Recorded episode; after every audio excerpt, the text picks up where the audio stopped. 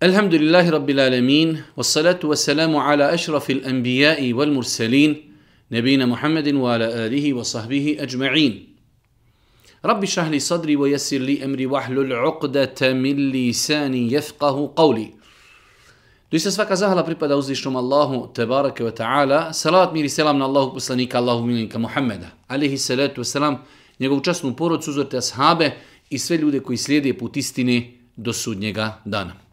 Uvaženi braćo i poštovani sestre, uvaženi gledatelji, evo nas u još jednu emisiju u kojoj se družimo sa vašim pitanjima i vašim dilemama. Ako smo dobro brojali, ovo je naša 113. emisija. Prvo pitanje, duže pitanje, ali čovjek kaže imam 42 godine, imam dvoje djece, pa smo ja i žena odlučili da ih izvedemo na pravi put s tim što smo odlučili da ne rađamo više djecu s tim da se ja steriliziram ili kasiram kod urologa i tako dalje. Pitanje je da li je u vjerniku e, koji ima mogućnost reprodukcije, koji ima mogućnost e, postizanja potomstva, da znači uradi e, sterilizaciju ili kastriranje koje će biti trajno. Islamski učenjaci spominju bukvalno konsenzus islamskih učenjaka e, ako ne postoji neka zdravstvena potreba za tim da je to haram i zabranjeno. Znači, postoji govor islamskih učenjaka da čovjek u datom momentu e, napravi i pokuša organizirati raspored dolaska djece, pa primjer radi žena je rodila dijete, pa sačeka čovjek i žena godinu dvije da, da žena e, da dijete podigne, pa završi sa dojenjem dvije godine, pa nakon toga ponovo zatrudni i tako dalje, da se napravi neki plan i raspored, inšala bizla, to je, to je dozvoljeno, ali da čovjek napravi neku trajnu kao što ovdje zove se sterilizaciju ili kastriranje, to je, znači po konsenzusu savremenih učenjaka, zabranjeno ako zatim nema zdravstvenih problema. Ako bi zaista nekada se desilo da čovjek to mora uraditi jer se boji za svoj život, onda je to nešto drugo, ali osnova da je to zabranjeno, a, a ono što je dozvoljeno, dozvoljeno je da čovjek e, pokuša u granicama svoje mogućnosti da napravi neki e, raspored raspored u godinama, e, znači dolaska, ako Bog da nove e, dječice e, na svijet, da to bude nakon dvije godine što je žena već jednom se porodila ili ili tako dalje, to je inšala biznila dozvoljeno, a znači trajno, trajno postići sterilizaciju ili kastriranje je zabranjeno.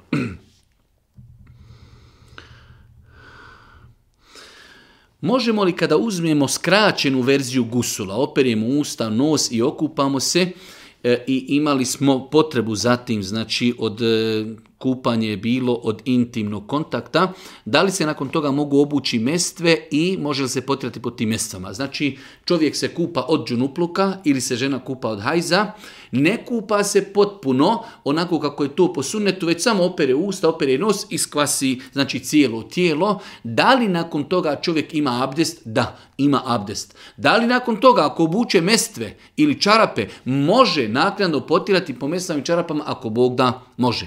Znači, Znači u pitanju je da se čovjek kupa od džunupluka ili se žena kupa od hajza, okupao je se kao što je ovdje došlo e, skraćenom verzijom, pošto imamo gusul dvije verzije, imamo potpunu onako kako je to radio Boži poslanik, imamo drugu skraćenu verziju da čovjek samo opere usta, nos i da znači sklasi svo tijelo. Ako bi čovjek to uradio, E, znači skraćenu verziju e, gusula, a gusul je činio zbog nečega što je obaveza vađib kao džunupluk ili hajz ili nifas, da li nakon toga ima abdest? Da, ima abdest. Da li ako nakon toga obuče čarape ili je može po njima potirati? Inšala biznila može. Šta vi mislite ako osoba ide u crkvu i u džamiju i obavlja sve po Bibliji i po Kur'anu? Šta mislite za takve osobe?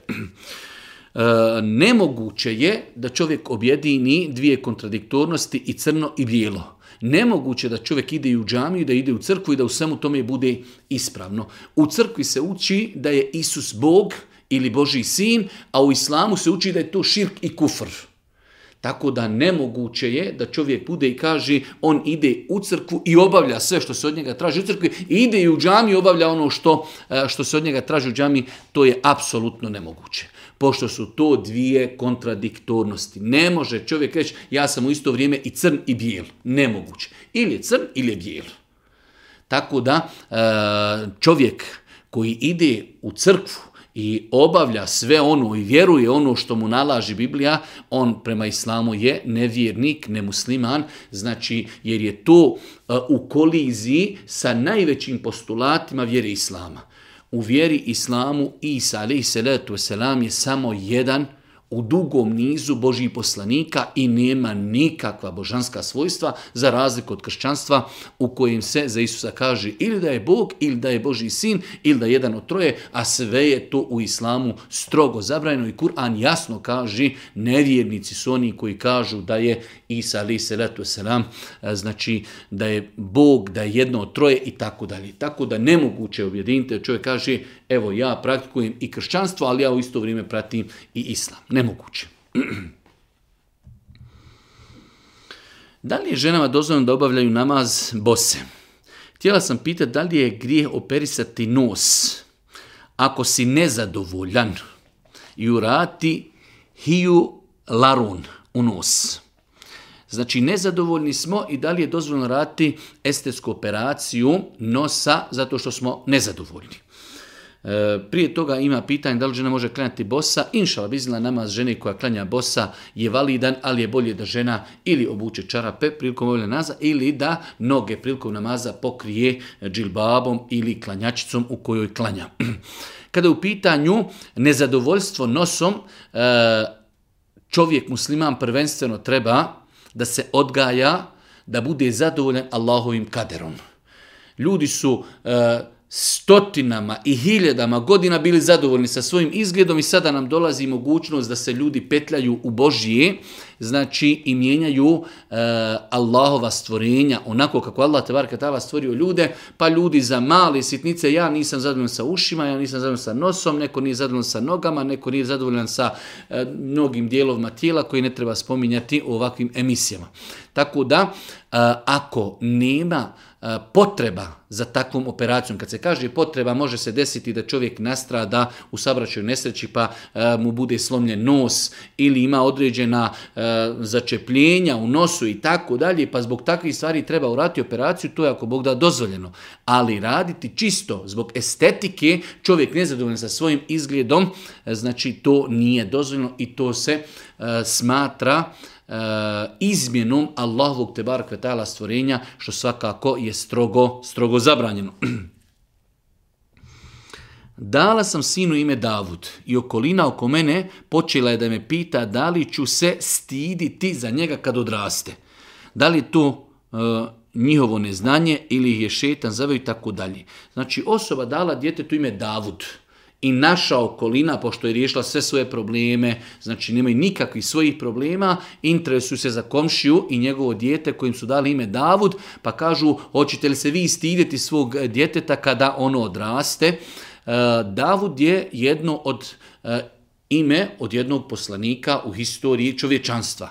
A svakako da su jedna od najpoželjnijih imena zadavati djeci jesu imena poslanika. Sam Allah poslanik ali se letu selam kada je dobio sina nadio mu ime Ibrahim poslaničko ime. Tako da poslanička imena su jedna eh, u ljestvici najljepših imena.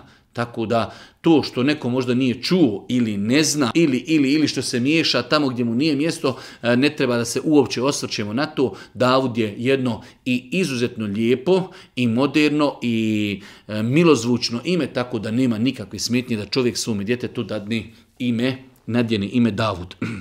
Šesto pitanje. Da li je nošenje odjeći iznad članaka obaveza u kući?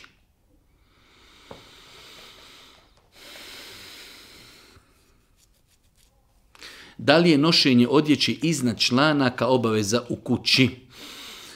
nisam siguran ovdje o kome se radi, ali ako se ovdje radi o muškarcu, ako se radi o muškarcu, nošenje odjeće iznad članaka je obaveza i u kući i izvan kući. Ako se radi o muškarcu, pitanje nije dobro definisano, znači e, pitanje stoji da li je nošenje odjeće iznad članaka obaveza u kući.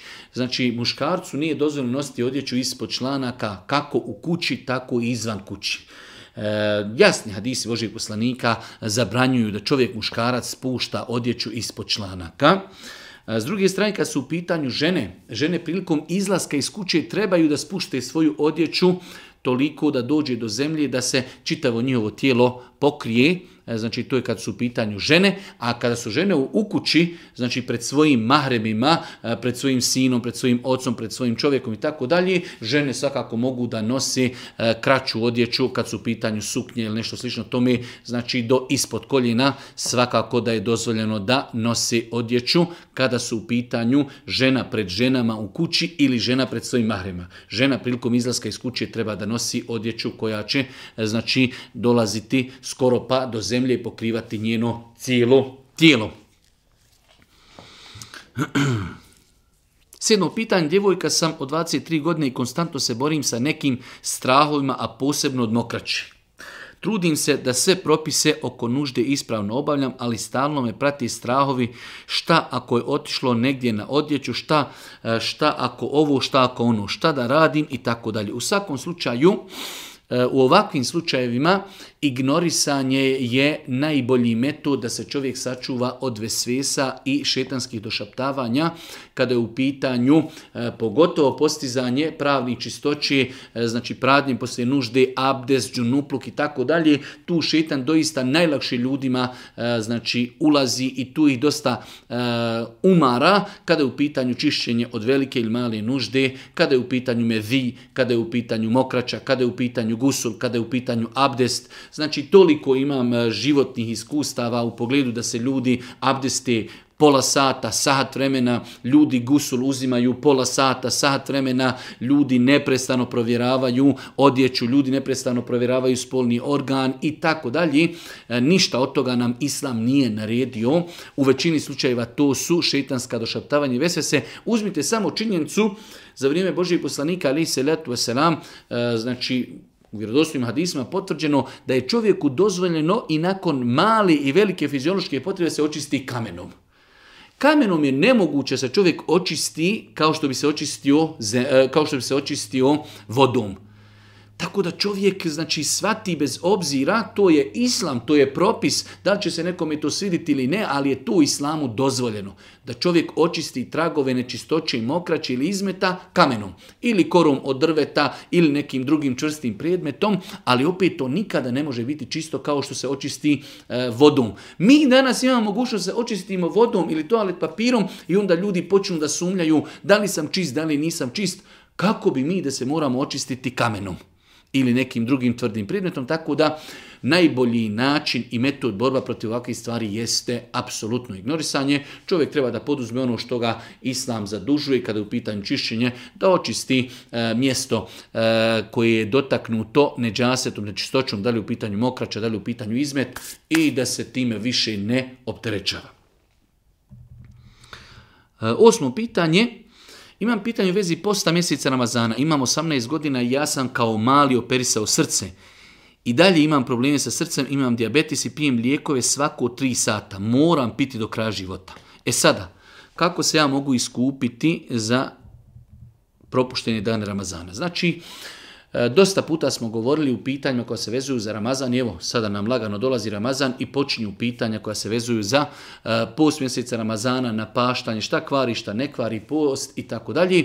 Osobe koje su trajno bolesne i imaju određenu terapiju koju moraju piti u toku dana. Ovo je terapija svako tri sata do kraja života. Takva osoba nije obavezna postiti. Čak u datom momentu možda kada bi postila i kada bi ostavila svoju terapiju, e, možda je počinila i haram, zato što dovodi u pitanje svoj život. Tako da takve osobe su trajni bolesnici. Nakon Ramazana će za svaki propušteni dan nahraniti jednog siromaha. E, ono što su islamski učenjaci kazali jeste da čovjek treba da da dva pregršta prehrambenih artikala zastupljenih u jednom podneblju u kojem čovjek živi. Znači, to u današnje vrijeme kod nas može biti brašno, mogu biti makaroni, može biti grah, može biti pšenica, nešto što znači je prehrambeni artikal jedno podemlja u kojim se živi, neki u prosjeku, znači dva pregršta, otprilike su proračunata u današnje vrijeme kila i znači 30 dana po kila i po, to je neki 45 kila nekih prehrambenih artikala čovjek treba da, znači podijeli sirotinji i on je na taj način ako Bog da se iskupio za 30 dana Ramazana koje nije postio. Znači čovjek koji je trajno bolestan, on će nakon Ramazana, ako Bog da, za svaki propušteni dan nahraniti jednog siromaha. Jedan siromah otprilike, znači, pošto je to izrečeno tada, e, znači, u mjerama za vrijeme Božijeg poslanika, pola Znači sa'a su dva pregršta, a dva pregršta, dva pregršta otprilike su procijenjena na kilogram i po. Kilogram i po određenih E, prehrambeni artikala e, na određenom e, podneblju gdje čovjek živi. Može to biti čak i meso, može biti tjestenina, mogu biti žitarice, može biti brašno i makaroni i nešto slično. To mi je znači riža, sve te stvari se mogu znači dati. Ono je možda i najjednostavnije da čovjek znači možda čak nekada i formira neki prehrambeni paket znači ako je 30 dana treba da u tom paketu bude i neki 45 kg prehrambenih artikala i to podijeli sirotinji ako Bog da on je na taj način eh, izvršio otkup i znači kefaret za dane koje nije postio.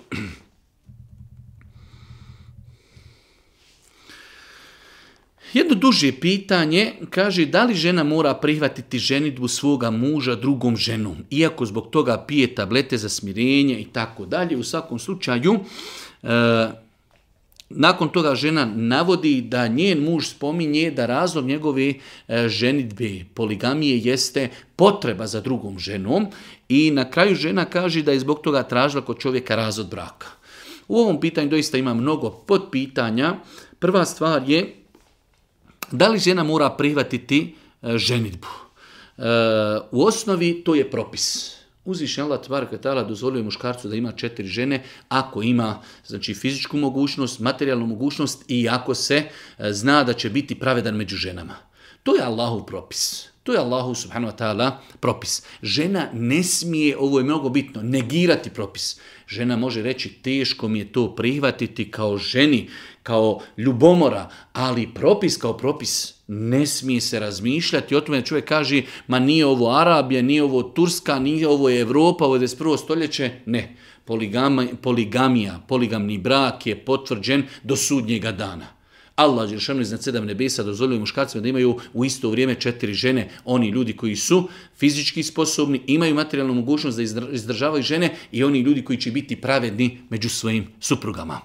To je prva stvar. Znači, žena ne smije negirati propis. Žena može reći, ja to ne mogu, kao ljubomora ne mogu to prihvatiti, teško mi je to prihvatiti. Druga stvar, e, čovjek ima pravo da se oženi ako ima dodatnu potrebu, znači za intimom ima legalno pravo da se oženi, opet pod onim uvjetima koje smo malo prije spomenuli. E, osnova je da žena ne bi zato trebala da traži razvod braka. Jer Boži poslanik Ali sam strogo je zabranio ženi da traži razvod braka zbog odnosno, a da nema zato validan šerijetski razlog. Validan šerijetski razlog je, ne daj Bože, da čovjek tuče suprugu, da je izlostavlja, da je ne izdržava, da joj ne kupuje hranu i tako dalje. To su validni šerijetski razlozi da žena traži razvod braka. Nije dozvoljeno ženi da traži razvod braka a nema za to validan šerijetski razlog. E sad ovdje dolazimo na kraju, žena ipak kaže ja se ne mogu sa tim pomiriti, jednostavno kljukam tablete, ne mogu to nikako prihvatiti. E, Allah najbolje zna u takvoj situaciji, e, kako bi sačuvali njen život. Ne možemo mi njoj reći vidi ti, to jednostavno moraš prihvatiti i tako dalje. Jednostavno ima takvih osoba, ima neki osoba koji će se 10-15 dana, mjesec dana ljuti i nakon toga će biti stvar kao da se nije ništa ni desilo, ali ima ljudi, odnosno ima žena koji jednostavno to ne mogu nikako prihvatiti. Prihvataju da postoji u islamu taj propis, ali jednostavno u datom momentu ne može prihvatiti činjenicu da muž ima drugu ženu. E, u takvoj situaciji, u takvoj situaciji čovjek bi trebao da bude razuman, a ako žena već traži razvod braka, da joj da razvod braka, kako ne daj Bože ne bi uzrokovao, žena može ne daj Bože posegnuti za suicidom, može znači žena e, imati različite e, zdravstvene komplikacije, ako žena to ne može prihvatiti, mislim da bi čovjek trebao da bude hajde da kažemo, razuman i da u takvom slučaju ispuni ono što ona od njega traži, a ona u tom momentu traži od njega razvod braka. To je znači široka tema, o tome se moglo toga moglo kazati, ali ovo su neki najosnovniji fikski propisi vezani za ovo pitanje. Dugo pitanje, da li sam griješna ako pokušavam, ali ne mogu oprostiti roditeljem jer me nisu učili o islamu i odgajali u vjeri.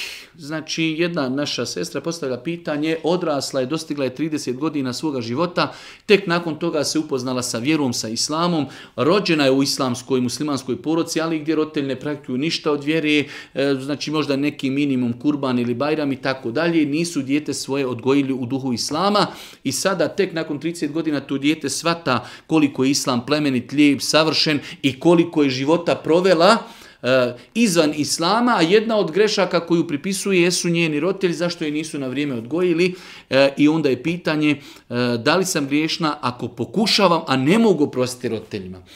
Mislim da ovdje stvar ne treba redati ovako grubo, ne mogu oprostiti svojim roditeljima. Roditelji definitivno e, su najveći prijatelji svome djetetu u globalu. Može se desiti uvijek neki izni, e, znači izuzetak, ali generalno roditelji su najveći prijatelji svome djetetu. Oni e, pokušavaju shodno onome što znaju i umiju da djetu dadnu ono što je najbolje. Definitivno naši roditelji i prirodne generacije prošli su kroz period komunizma. Komunizam je imao strategiju uništenja islama, muslimana i morala. Znači tako da e, ne treba čovjek tako grubo nastupati prema svojim roditeljima, ne mogu im halalti što me nisu odgojili u islamu. Da su oni znali taj islam, da su oni e, bili svjesni ljepoti i potpunosti savršenstva vjeri islama, svakako da bi oni, e, zato što voli svoje dijete, da bi to oni prenijeli svome djetetu. Ali oni što bi rekao, nisu znali, pa nisu mogli ni prenijeti to svome djetetu, tako da mislim da je pregrubo nastupati, ne mogu im halaliti. Treba tražiti izgovora roditeljima, ali evo, hvala Allahu Đešanu, i nakon 30. godine nije kasno se čovjek vrati vjeri da se poduči propisima namaza, Kur'ana, čednosti, moralnosti i ostalih propisa. Za godinu i po dvije čovjek može da se poduči idealno da praktikuje propise Islama i da se trudi da on dostavi poduči i preneseti propise svojim roditeljima. Imam problema sa vesvesama i gdje mi mozak govori da nešto ponovim više puta, na primjer fatihu, ajet neki da sam pogriješio e, tokom abdesta i tako dalje. Kaže, zbog toga već ne klanjam 80 namaza. Da li ja moram to naklanjati i tako dalje. Negdje sam pročitao da moram prvo naklanjati namaze i svašta dalje. U svakom slučaju pogledajte, pitanje je, čovjek ima problema sa vesvesama u kojima mu dolazi da određene postupke mora ponavljati, do te mjeri mu je to otežalo namaz da već 80 namaza čovjek ne klanja. 80 namaza čovjek ne klanja i sada je pitanje e, želi čovjek osjeti, onda je to problem što ostavlja namaze, mora li on sada naklanjavati namaze, i, i, i kakav je propis. U svakom slučaju, e, rekli smo više puta, najbolji način za e, borbu protiv došaptavanja i vesvisa jeste ignorisanje. Da čovjek sebi obaveži se, na sebi dadne što bi rekao fetu, sam sebi haram je ponoviti bilo kakav postupak u abdestu, namazu i tako dalje. Znači nekada se ljudi muče po 15-20 minuta da izgovore samo riječ Allahu Ekber. Znači uzmijete dijete obično na ulici i kaže Allahu Ekber i čovjek vjernik, musliman, odgajan god nam čita knjige, literaturu i kao nije siguran li ispravno izgovorio riječ Allahu Ekber. I onda on stane, jesam li rekao, nisam li rekao, jesam li oplo ruke, pa jesam, pa nisam i tako dalje. U takvim situacijama rješenje je samo ignorisati. Allahu ekber. jesam li rekao, jesam. Je li ispravno? Jesam. Samo na takav način. Znači ignorisanje i zabrana ponavljanja bilo kakvog postupka. Kad kažemo ponavljanja, imaju neki zikrovi koji se ponavljaju tri puta subhana rabijel eala, subhana rabijel eala, subhana Dosta. To je propisano ponoviti. Ali, proučio Fatihu, a možda nisam proučio prvi ajet. Jesam, idem dalje. Sjedim na etahijatu, možda nisam na prvom rekiatu proučio zikr. Jesam, idem dalje. Nema vraćanja i nema ponavljanja. Abdesti čovjek i došao je do peri noge do kraja, možda nisam oprao lice. Jesam, idem dalje. Znači, u takvim situacijama se čovjek ne smije vraćati nazad i ne smije se osvrtati na došaptavanje. Da li treba naklanjati ove namaze? Mislim da sada čovjek ne treba time da se opterećuje. Jasno stava, namazi koji su prošli, čovjek ne treba time da se umara. Treba prvo da se vrati, da počne redovno klanjati farz namaze i da što više klanja na fili. Molite Allah Đelšanu da oprosti ono što se desilo.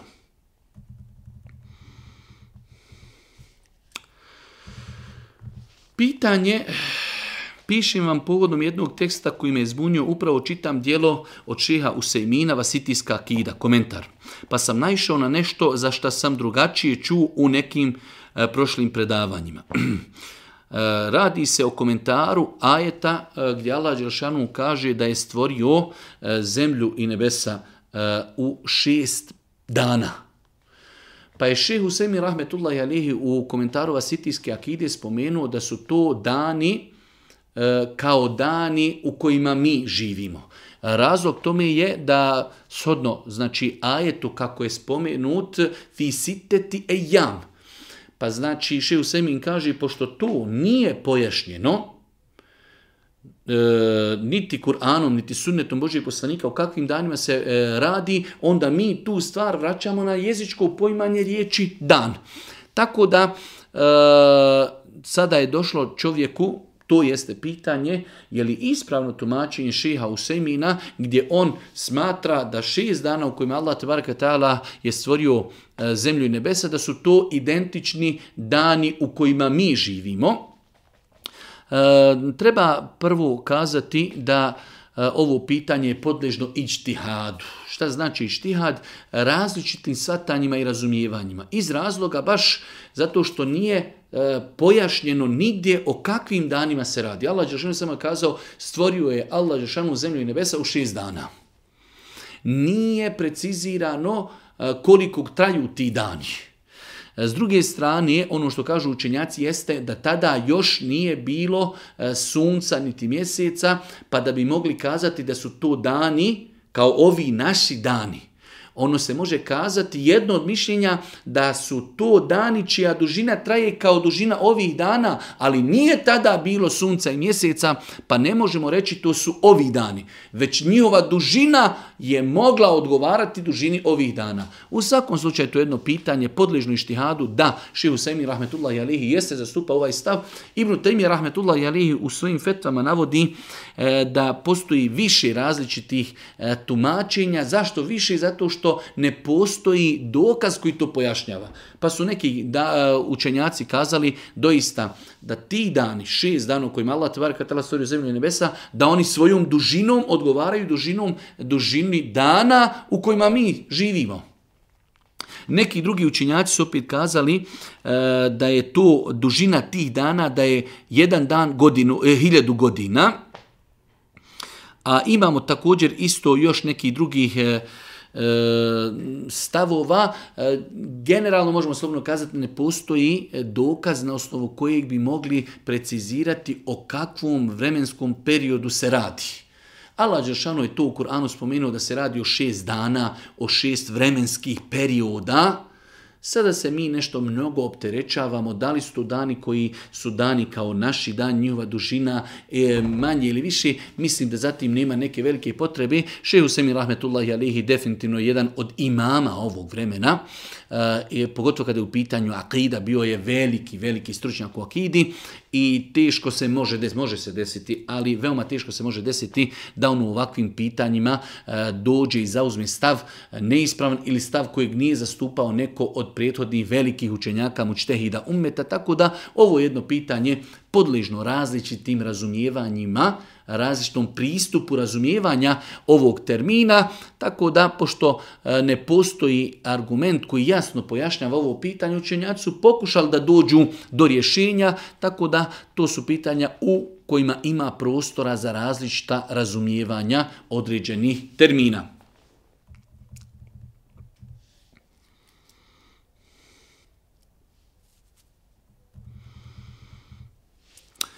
E, možete li nam pojasniti vezano za tevhid, mevlude, Četiresnice i tako dalje? Da li to treba obilježavati ili ne? Sve spomenute stvari, tevhidi, Mevlude, Četiresnice, sve su to novotarije. Nijednu od tih stvari nije prakticirao Boži poslanik, ali se letu je sram, tako da čovjek vjernik ako već želi da nešto organizuje, odnosno da koristi svome, e, me je tu onda najbolje da radi onako e, kako je preporučio Boži poslanik ili dova jer je to prenešeno u na hadisima, da dovi za svoga menjita ili da za njega udjeli sadaku ili da za njega obavi hađ i umru. To su stvari koje Boži poslanik Ali se letu selam preporučio i najbolje se držati onoga što je preporučio Boži poslanik alihi seletu selam. Znači imamo udjeljivanje sadaki, Imamo obavljanje hađa i umri, imamo upućivanje dovi u kojoj ćemo doviti Allah Đelšanu da oprosti naše mejitu, da mu podari džene, da mu e, podari e, širok kabur, e, da ga sačuva iskušenja u kaburu i tako dalje. Znači dova, sadaka, obavljanje hađa ili umri. Jedno malo duže pitanje, radi se o, o pitanju gdje osoba spominje da je mnogi kritiziraju zato što klanja 45 minuta e, i kindiju prije zalaska sunca, pa su joj kazali da je to neispravno klanjati kindiju 45 minuta prije zalaska sunca e, što je apsolutno greška, znači greška je negirati ispravnost tog postupka. Boži poslanik u Adisu Adisu kaže onaj ko stigne klanjati rekiat i kindije, baš i kindije, prije zalaska sunca stigao je klanjati kindiju. Znači ako bi rekli da u 5 sati zalazi sunce, mi ako počnemo klanjati deset do 5, naša ikindija je validna. E, dešava se greška da ljudi ne razumiju dvije stvari, a to je ikindija namaz nastupa, znači imamo podni namaz, završava podni, nastupla ikindija. Imamo period koji se zove e, odabrano vrijeme za ikindiju, to su ljudi koji sjede u kući i nemaju nikakvih drugih obaveza i oni ne trebaju odgađati klanjanje ikindije do pred zalazak sunca ali imamo ljude koji imaju potrebu. Čovjek je na poslu, čovjek je na putu, čovjek eh, ima obaveza, ne može se odmah u prvom vremenskom eh, namaskom vremenu organizirati da klanja takav insan ako klanja 10, 15, 20 minuta prije zaraska sunca, njegova ikindija je totalno ispravna. Bez ikakvih šubhi, bez ikakvih, znači, bez ikakvih problema. Tako da, kada ljudima govorimo o propisima vjere moramo uzeti e, u obzir stanju u kojem se nalazi. Ako osoba radi na postu i dolazi kući pola sata prije zalaska sunca i tada će klanjati kindiju ekstra. Bitno je da se klanja i kindija prije zalaska sunca, pa makar to bilo i 15-20 minuta i ta kindija je totalno ispravna. Za rashod čovjeka koji sjedi kod kući, ili je subota i nedjelja, ne ide na posao ili, ili, takav insan treba da klanja, hajde da kažemo, odmah nakon nastupanja namaskog vremena, da ne dozvoli da klanja pred sami zalazak sunca, iako i on kad bi odgodio njegov namaz ispravan.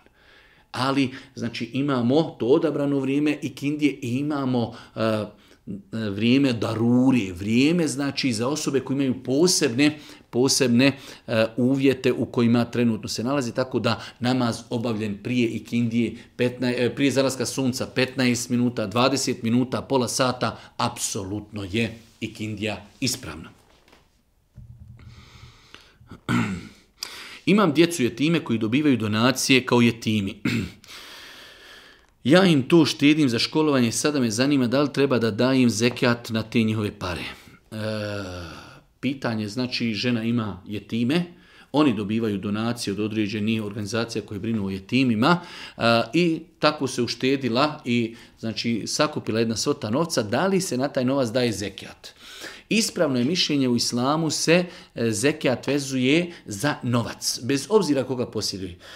Čak kada bi imali čovjeka koji nije uračunljiv, lud, ali naslijeduje kao dijete, naslijeduje svojih roditelja milijun, milijardu, na taj novac se daje zekijat, iako on u osnovi ne potpada pod šerijetske obaveze, ne klanja, ne postoji, nije normalan, ali je zekijat vezan za imetak. Tako isto i za Je timi ako svako pojedinačno, ovo je mnogo bitno, ako jetimi prije punoljetstva, svako od njih pojedinačno dostigne nisab, i njegov imetak pregodini, njegov staratelj majka ili djed ili nana trebaju iz tog novca da izdvoje na njegovo ime zekijat. Znači, e, tačno je mišljenje da se na, na, na imetak je tima daje zekijat, ali pod uvjetom da svako od njih pojedinačno, nećemo kazati njih dva jetima, dostigli su nisab, ne, Svako od njih pojedinačno treba da dostigne nisab, da tako novac pregodini godinu dana, da nikada ne pada ispod granice nisaba. Ako pregodini, dostigao je svako od njih nisab, njihov staratelj, da li je to majka ili djed ili nana ili amidža, izdvojit će iz tog imetka zekijat na njihov imetak. Da li je dozvoljeno imati vještačke nokte koji su umjerene veličine i neupadljivi? Da budu sređeni nokti i da li može da se klanja s takvim noktima? Imam želju da prijeđem u islam pa želim da znam ove stvari. Osoba koja želi da prijeđe na e, islam e, prvenstveno treba u, u početku da se fokusira na najkrupnije stvari najkrupnije stvari su spoznaja Allaha, ispravno vjerovanje, ispravna percepcija Boga, poimanje Boga, poimanje poslanstva, poimanje Isusa alihi salatu wasalam. To su najbitnije stvari. Nakon toga dolazi e, propisi namaza, propisi posta, propisi hađa, propisi zekijata, zabrane u islamu i tako dalje. Tako da moj savjet osobi koja želi da primi islam prvenstveno se fokusira u početku na razumijevanje i na vjeru. Vjerovanje u Allaha, percepcija Boga u islamu.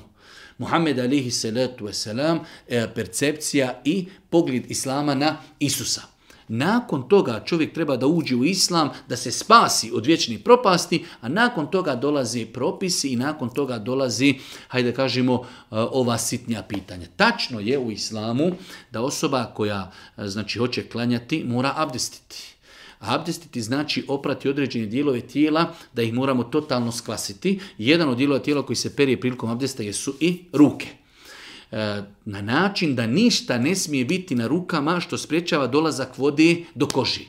Kada žena stavi, makar to i ne bili veliki, ali umjetni nokte kada stavi, oni su legli na naše nokte i sprečavaju dolazak vodi do naših nokata, tako da u tom, ko, u tom slučaju nije dozvan. Bez obzira što to neće biti neki ogromni nokti, bez obzira što će oni biti e, koliko toliko, da kažemo, uredni i normalni, oni su stavljeni na naše nokte i sprečavaju dolazak vodi do našeg originalnog nokta. Samim tim ženi muslimanci nije dozvoljeno da nosi takve vještačke nokte. E, da li žena muslimanka dozvoljeno da obavljaju namaz bose? Kazali smo da je dozvoljeno ženi muslimanki, inšalabizna da klanja bosa ako se radi o namazu u kući, ali je bolje da klanja u čarapama ili da noge pokrije, stopala da pokrije eh, ili suknjom ili džilbabom ili klanjačicom, a ako izlazi napolje ili ide u džamiju, onda definitivno da žena treba da obuče čarape prilikom izlaska iz kući. Jedno baš duže pitanje, a to je da kaže se u pitanju, radi se o tome da mi je sestra ubijeđena da ona radi pravi stvari, da smo e, mi svi zaostali. Allah najbolje zna, ali govori da živi sa curom i tako dalje. Znači imamo jednu porodcu, e, u toj porodci ima jedna osoba koja dole piše na kraju školovana, obrazovana i tu vjerojatno je to obrazovanje i koštalo, pa ona znači prakticira i živi e, sa kolegicom, znači istospolni, istospolni kontakti. E, e sada je pitanje, kaže se, e, babo i mama trebaju da idu na hađ, oni to ne mogu da prihvate. Da li ja spadam u to da kidam rodinske veze jer izbjegavam svaki kontakt sa njom i da li mama i babo postupaju ispravno? E, zato što oni znači jednostavno to ne prihvataju i tako dalje. U svakom slučaju e, ovo je jedan klasični problem, ne samo znači to je isti je, isti je propis i za dijete koje pije alkohol i za dijete koje e, čini nemoral i dijete koje znači ostavlja namaz, sve su to grijesi sve su to veliki grijesi. Nažalost, mi nekada lakše prihvatimo da dijete ne klanja namaz, ali evo, ako se desi da ne daj Bože, dijete je krenulo pravcem homoseksualizma ili lezbijstva, tada nam to mnogo teže pada nego ostavljanje namaza, što nije tačno. Ostavljanje namaza je gori grijeh od toga. Ali e, šta čovjek vjernik treba u takvoj situaciji da radi? Kažu islamski učenjaci, ako će osoba koja čini grijeh, ako će i naš bojkot vratiti od grijeha, onda je propisan da se bojkotuje. Da se bojkotuje, kaže, vidi, nemoj nam dolaziti, ne pričamo s tobom, e, e, iznevjerila se nas, radiš tako gnusne stvari i završen stvar. Ima osoba, kao što kaže Ševo Islam ibn Rahmetullah u svojim fetvama, ima osoba kojima jedino taj metod pali. Kad mu kažeš, vidi, nemaš više s nama ništa, bojkotujemo, nećemo s tom više pričati, nećemo s tom kontaktirati ali većina ljudi na planeti, pogotovo danas, ako ga ti ostaviš, ako ga ti odbaciš, Čeka ga ulica, čeka ga droga, čeka ga homoseksualizam, čeka ga lezbejstvo, znači širokih ruku čekaju. Bolje je u takvim situacijama ostati sa takvim osobama u kontaktu, na lijep i mudar način ukazivati na grešku koju radi. Znači, moj savjet je, opet, imaju roditelj dosta puta, znaju e, da li će koristiti bojkot. U većini slučajeva današnjoj omladini bojkot ne koristi. Onda kao, mam, dobro je da mi niko ne, ništa ne vajzi, ništa ne tumači, nek me bojkotuju. Idem tamo sa svojim društvom. Bolje je ostati u kontaktu sa osobom koja čini određen grijeh, ali koristiti vrijeme, koristiti priliku, podučavati e, video, tribina, kaseta, CD, predavanje, određen videoklip, razgovor, dijalog i tako dalje. To je ono što ako Bog da može, ako Bog da polučiti pozitivne rezultate. Uglavnom, pitanje se vraća na našu procjenu šta će biti korisnije toj osobi. Ne smijemo se samo prepustiti emocijama, mi zbog sela tako radimo. Sramota je šta si uradila i mi zbog sela reagujemo da ljudima kažem, mi smo se odrekli te naše čirki. Ne reaguje se zbog sela. Reaguje se shodno onome šta mislimo da će polučiti veću korist. Da li će ljudi o nama pričati po selu, vidi e, ona ima, e, živi sa lezbejkom tamo nekom i ovi i dalje je puštaju da dođe kući. Mi smo izvagali i smatramo da je to veća korist, da i na taj način možemo savjetovati, ne treba se osvrtati šta će reći selo, šta će reći komšiluk. Mi radimo na tome da tu svoje dijete sačuvamo i da ga ako Bog da izvučemo iz griha. Da li je u islamu dozvoljena liposukcija? Da li je u islamu dozvoljena liposukcija zbog pretilnosti nakon trudnoći? Kaže, liposukcija je postupak plastične hirurgije koji uključuju, uključuju, koji uključuje sisanje masti iz različitih dijelova tijela. Na drugom mjestu se kaže, liposukcija je jedan od najčešćih zahvata u estetskoj hirurgiji. U svakom slučaju, e, živimo u vremenu kada ljudi malo, malo posežu za razno raznim estetskim, e, hiruškim zahvatima, kao e, vid želje za dodatnom ljepotom i e, brigom o njihovom tijelu e, ako za ovakvim stvarima nema potrebi. Nekada se doista znalo se desiti da su mi ljudi pisali da ljudi imaju situacije da jednostavno e, toliku imaju veliku znači kožu i toliko imaju dosta problema sa salom da jednostavno to je nemoguće riješiti. Doktori sami kažu da je to nemoguće riješiti osim hiruškim zahvatima. To su vanredne situacije. Ali svi znamo da žena kada se porodi nakon toga mora imati, e, e, pogotovo na prijedjelima stomaka, mora imati opuštenu kožu, mora tu biti malo sala i tako dalje. Te neke stvari koje se mogu smatrati normala, zbog takvih stvari nije dozvoljeno poduzimati hiruške zahvate i to se smatra izmjenom i udaranjem na Allahovo stvorenje.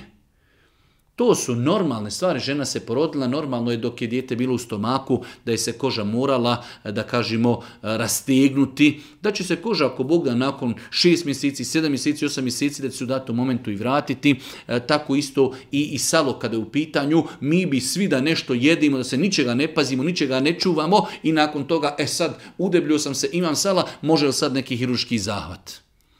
Tako da insan treba da se boji, Allah treba da zna da je njegovo tijelo njemu emanet. Svako rezanje tijela je emanet. Čovjek treba da pazi, da zna da njegovo tijelo ima svoju svetost. Bilo koji hiruški zahvat mora imati svoje šerijetsko opravdanje. Znači u vanrednim situacijama da doista se desi da su to velike, ogromne količine kože, da su to e, da su u pitanju velike naslage masnoće koji se ne mogu drugačije riješiti osim hiruškim zahvatima, to su vanredne situacije i više nije u pitanju estetika, u pitanju je srce, u pitanju je život, u pitanju je zdravlje, ali estetski nije dozvoljeno.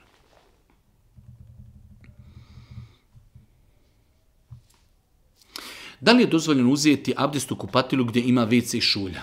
Apsolutno dozvoljeno, nema nikakve smetnje. Znači u većini slučajeva danas se gradi kupatila, da u jednom čošku imamo WC šolju, na drugom čošku kupatila imamo umivaonik gdje možemo uzeti znači abdest. Apsolutno nema nikakve smetnje uzeti abdest u toaletu ili WC u kojem imamo u istoj prostoriji i WC šolju imamo u istoj prostoriji e, znači lavabo ili umivaonik gdje možemo uzeti abdest. Esselamu alaikum, da skratim priču, da li je dozvan da se udam za čovjeka čija je majka Romkinja? I tako dalje. E, znači, e, da li je dozvoljeno ženi da se uda za čovjeka, njegova majka je Romkinja, znači ima romsko porijeklo. E, osnova je po kojoj bi ljudi najviše trebali da jedni drugi je vrednu jeste vjera, ahlak, moral, moral i iman. To su najosnovniji znači pokazatelji vrijednosti čovjeka. To je osnova. E sada, e, islamski učenjaci u svojim knjigama mnogo su govorili u poglavlju braka o tom momentu, to se zove kifae. Da li je muž E, znači na levelu da zaslužuje ženu ili da li je žena na, na levelu da je otprilike e, znači e, slična njenom čovjeku u pogledu porijekla, u pogledu bogatstva, u pogledu naobrazbe, u pogledu određenih poslova koje radi i tako dalje. Učenjaci o tome mnogo govorili, ali ništa od toga nije uvjet za ispravnost braka. E sada ostaje jedan još moment, a to je kako praktično određene stvari izvesti. Ako, ako ćemo mi stupanjem u brak e, izazvati srđbu svojih roditelja, ako ćemo biti kritikovani i, i od e, roditelja čovjeka i od roditelja e, djevojke, ako će nas i zbog toga bojkotovati, ako se tu u jednom društvu smatra sramotom, to ne utječe na validnost braka, ali treba to dobro izvagati i uzeti u obzir. Znači čovjek, e, ako bi čovjek koji nije Rom oženio Romkinju ili obrnuto, znači Rom oženio ženu koja nije Romkinja, njihov brak s aspekta Islama je validan. Ali mi sada govorimo o refleksijama toga na, znači, na njihov život. Ako će njegovi roditelji njega, e, e, što bi rekao, odreći se samo zbog toga ili njeni roditelji se odreći nije samo zbog toga e, i njihove porodce se zavati zbog svega toga, treba tom pitanju znači pristupiti hladni glavi, ali s aspekta ispravnosti braka, brak je apsolutno ispravan. Da li je dozvoljeno kupiti auto na rate? Auto je, ako se kupi u kešu, 5000 eura na rate 5500. Da li se to računa kamatom? Ne. Ali ne ako se kupuje direktno od kupca. Ako ide preko banke, to je već neka druga priča. Znači, dosta puta sam o tome govorio, e, kupovina na rate u islamu je dozvoljena, makar cijena robe bila povišena ako se kupuje direktno od vlasnika robi. E, upetljavanje banke u svemu, tome je jedna druga posebna priča i o tome nikad nisam davao odgovore, ali da ja lično prodajem auto čovjeku i kažem moje auto je za keš 5000, ako ćeš plaćati na 5 rata, onda je 5500, je li to dozvoljeno? Apsolutno dozvoljeno. Velika većina islamskih učenjaka smatrala je, to se zove u arapskom beju taksit, kupovina na rate, makar bila cijena povećana, znači ako će se plaćati na odgodu da se poveća cijena i to nije kamata. To nije kamata, ali znači ne želim da se moj odgovor pogrešno sati, govorim samo o procesu koji se dešava između kupca i čovjeka. Uplitanje banke je nešto drugo. Ali da čovjek dođe, e, privatno kupuje auto i čovjek mu kaže ako ćeš ga plati u kešu, onda je 5000, ako ćeš platiti na odgodu, onda je 5,5 ili 6, to je u islamu dozvoljeno. Nema ništa sa kamatom, ali uplitanje treći institucije, banke, to je nešto već posebno. Da li kada klanjam i ustajem sa sedenja, mogu da ustajem bez korištenja ruku, tačnije da li je e, bitno kako je ustajem? U svakom slučaju, e, bilo kako da čovjek ustaje sa seždinša, njegovo ustajanje je validno, e, samo je pitanje da li je pohvalno i da li treba da čovjek, znači bili smo na seždi, vraćamo se, da li čovjek treba da se vrati u sjedeći položaj pa da se nagne na ruke i da ustani ili će ustati da rukama se ne oslanja na tlo. To je sada znači razilažen kod islamskog učenjaka. Postoji hadijsko bilježi imam Buharija od poznatoga sahaba Malik ibn Huvairitha. Malik ibn koji je ashab koji prenio namaz kako je klanjao Boži poslanik, ali se ratu sram pa jedne prilike došao u jedno društvo i kaže E, ja ne želim da klanjam osim iz jednog razloga, da vidite kako ja klanjam, a ja ću klanjati onako kako je klanjao Boži poslanik, ali se letu se pa prenose ljudi koji su ga gledali kažu da kada bi klanjao, kada bi se vraćao sa seždi, sjeo bi, nakon toga bi se nageo rukama na zemlju i tako bi ustao. Tako da e, velik gru islamskih učenjaka, od koji su i tri mjeseca, smatrali su da čovjek kada ustaje, da treba, da je pohvalno i lijepo da se nagne na ruke. Ali ako čovjek to ne bi uradio, ništa nije pogrešno e, i neispravno uradio, njegov namaz je apsolutno ispravan. E, s tim što ima učenjaka koji su smatrali da čovjek uopšte ne treba tako da radi, direktno će ustati bez da se oslanja rukama na zemlju. To je jedan, hajde da kažemo, sunnetu namazu, oko njega ne treba praviti, e, što bi rekao, zatezanje, lično sam uvjerenja, na osnovu ovog hadisa koji bilježi imam Buharija, da je pohvalno i lijepo da čovjek koji želi da ustani, da nakon sežde se prvo vrati u sjedeći položaj, nakon toga da se nagne rukama na tlo, znači ili rukama ovako ili znači šakama i nakon toga da ustani. Supruzi je ostalo 5 dana da naposti od prošlog Ramazana. Planirala ih je naposti u zimskom periodu. Međutim, ostala je u drugom stanju i ima jake mučnine i bolove želucu. Što je sada predstavlja veliki problem da naposti te dane i tako dalje. E, osobe, žene koje nisu napostile dane iz prošlog Ramazana iz opravdanog razloga kao što je, znači žena je htjela da napusti u e, zimskom periodu i zatrudna je, u trudnoći žena ima mučnine i tako dalje, jednostavno nije sposobna da posti. Šta će takva žena uraditi? Ako Bog da sada kada dođe naredni Ramazan pokušat će i potruće se da posti. Nakon Ramazana, ako Bog da kada bude zdravstveno spremna, ona će napostiti dane od prošlog Ramazana.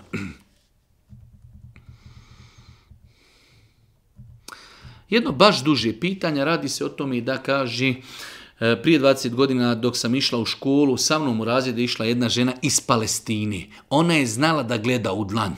Pa onda nakon toga dolazi da je žena u životu bila na nekoj e, zabavi, pa i tu došla neka žena i svi joj prognoziraju Kaže, tada je meni rekla da ću se razvesti od muža u nekoj budućnosti, pa je opet neko to potvrdio i sada u pitanju da li takvim osobama vjerovati, strogo je haram vjerovati. Ču, e, žena je iz Palestine, a znala gledati u dlan. Nema na planeti neko ko može gledati u dlan. Čista, varka, laž, petljanc, to što iz Palestine ne znači nam ništa. Iz Palestine laži. Niko ne zna budućnost osim Allah. Bilo kakvo proticanje sudbine je haram. Vjerovati u to je haram. Znači tako da insan ne smije se osvrtati na takve ne smije ih pitati i ne smije u to vjerovati. Ne smije pitati, ne smije u to vjerovati, strogo zabranjeno vjerovati u bilo kakvo proticanje sudbine. dlan, filđan, grah, horoskop, bilo kakvo procanje sudbine u islamu je strogo zabranjeno. Zašto? Zato što je laž. Ne zna budućnost niko osim Allah te barke. Teala.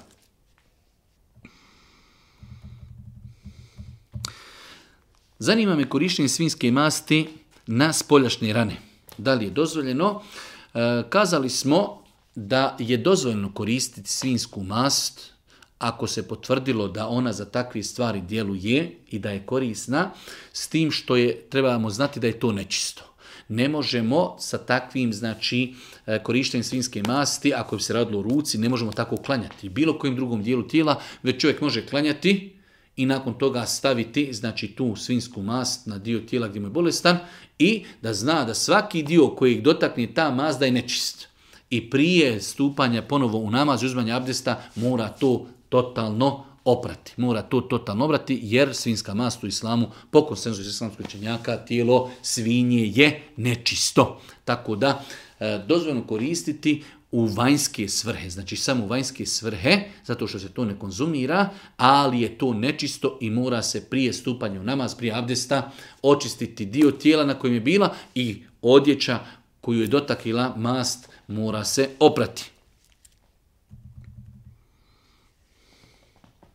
Pošto ne treba klanjati dženazu nevjerniku, a otišli smo na dženazu ukop, kako ćemo znati ako umrla osoba e, nismo poznavali, tako dalje. To je jedno praktično pitanje, mi smo pisali, o tome govorili da nije dozvoljeno klanjati dženazu nevjerniku, ali se tu prvenstveno misli na nevjernika koji se deklarisao kao nemusliman i umro na tome. Ali mi kada dođemo negdje, prolazimo pored e, greblja ili mezarluka i ljudi se okupili klanjaju dženazu. Mi ćemo tu stati i ništa provjeravati nećemo. Kome se klanja U osnovi se dženaza klanja muslimanu. Dok su ga donijeli, oni ga smatraju muslimanom. Tako je Šeha Bimbaza pitao čovjek, e, ja radim e, u, u e, Gusulhani gdje kupa Mejite, Moram li ja provjeravati ili čovjek bio musliman ili nije, ili klanju ili nije. Kaže Ibn Baz, dok su ga donijeli, oni ga smatraju muslimanom, tvoje da ga okupaš i nemoj ništa pitati. Isto i to kada čovjek dođe na dženazu, sada treba ići, znate li čovjeka, je li klanjao, je li pio alkohol, ništa. Dok su ga donijeli, tretiraju ga muslimanom, mi po vanštini ga smatramo muslimanom. Allahu ekber i to je to. Znači, neklanjanje dženaze ili da je zabrajeno doviti nakon smrti odnosi se isključivo na nevjernika koji je živio kao nevjernik i umro na tome. Ali mi kada dođemo u neko mjesto i vidimo dženazu, ništa nama nije naređeno da provjeravamo, stanemo u saf, klanjamo dženazu i ako Bog da, sve je u redu. Interesuje me da li je meso konja i magarca haram ili mekruh. Allah te nagradio. E, meso konja je halal, dozvoljeno. Kod nas se to ne prakticira, ali to što se ne prakticira ne mora značiti e, da je zabranjeno. Meso konja u vjerodostojnim hadisima je zabilježeno da su za vrijeme Božih poslanika, ali se ratu selam, e, klali konje i da su konzumirali jeli to meso, tako da meso konja je dozvoljeno. Kada u pitanju magreće meso, magreće meso je zabranjeno. Znači imaju vjerodostojni hadisi da je Boži poslanik alihi salatu wasalam u jednom periodu je to bilo i dozvoljeno nakon toga je to zabranjeno tako da e, meso domaćih magaraca, domaćih magaraca je zabranjeno i samim tim i nečisto. Samim tim i mlijeko i proizvodi od mlijeka sve je to nečisto. Znači meso od magarca je nečisto, meso od magarca je nečisto, e, mlijeko od magarca je nečisto, zabranjeno konzumirati mlijeko od magarca, meso od konja je halal i dozvoljeno.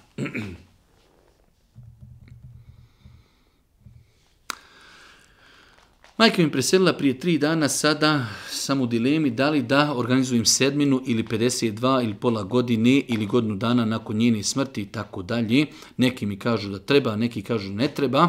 E, ne postoji nikakva posebna procedura koja se organizira nakon što čovjek preseli. Niti nakon sedam dana, nakon 40, nakon 52, ni pola godine, nakon godinu dana. Sve su to novotarije koji su ljudi vjerovatno e, s dobrim namjerama uveli u islam, ali ništa od toga nije propisano, sve su to novotarije. Ono što čovjek može za svoga medita urati jeste, može za njega doviti, za njega udjeliti sadaku, za njega obaviti hađ ili umru. Organiziranje tevhida, mevluda, sedmina, četiresnica nije ispravno.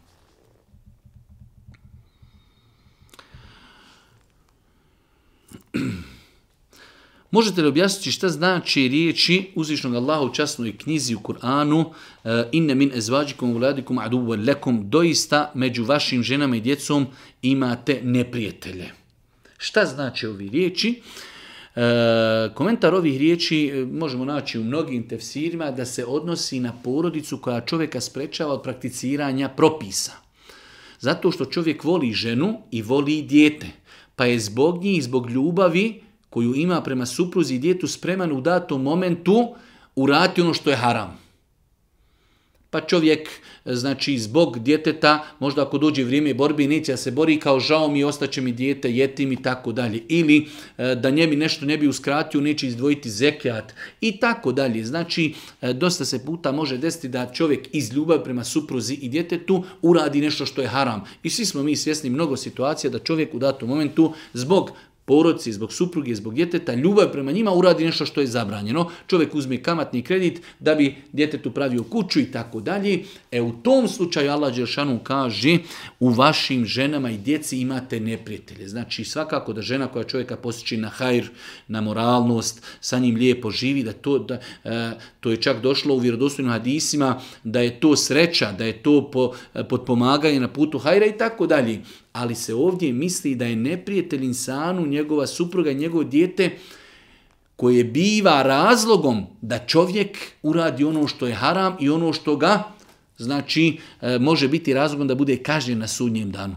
Tako se, tako su islamski učenjaci razumjeli ovaj kuranski ajet. I posljednje pitanje, 30. pitanje, Gledao sam tvoj video gdje navodiš da se ne klanjaju sunneti prije početka hudbi i tako dalje. Pitanje kada ljudi ustanu, znači klanjati oni e, one sunnete njihove e, koje klanjaju prije e, džume, e, da li će čovjek klanjati ili sjediti. U svakom slučaju, kada je u pitanju na fila prije džume, rekli smo da je propisan čovjek kada dođe u džamiju klanja dva rekiata tihetu mesčida i može klanjati koliko hoće na fili dok ne počne hudba. Znači dok ne počne hudba može klanjati koliko hoće, ali može minimalno klanjati dva rekiata, sjedni da uči Kur'an, donosi salavate, zikri i tako dalje. Ali isto tako, kao u nas je praksa da se prouči prvi ezan, nakon toga ljudi klanjaju četiri rekiata, nakon toga počinje hudba.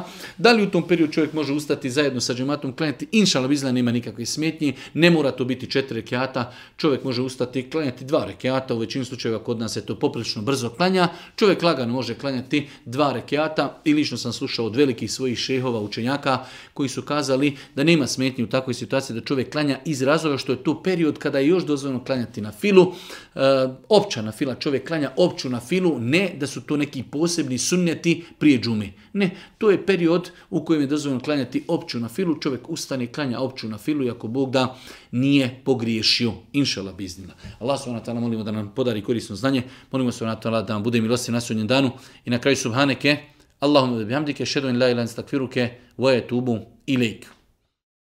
Oh